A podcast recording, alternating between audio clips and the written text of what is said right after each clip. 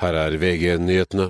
Rundt 14 000 personer i Sverige er aktive i kriminelle nettverk, anslår svensk politi. Av disse regnes 2000 som strategiske aktører, altså de som styrer gjengene. Og da bedømmer vi at det finnes 48 000 personer som just er koblet. Dette gir altså totalt 62 000 personer som enten er aktive eller koblet til nettverken.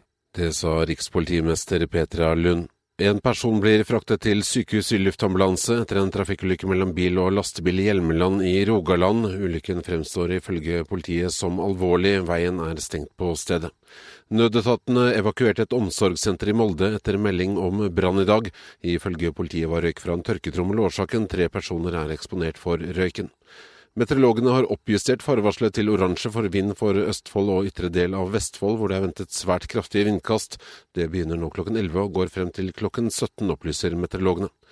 Politiet oppdaget en hasjplantasje i Ørsta under en ransaking. Totalt fant de 300 cannabisplanter og 25 kilo cannabis, melder Sunnmørsposten. I studio Frode Sti, nyhetene får du alltid på VG.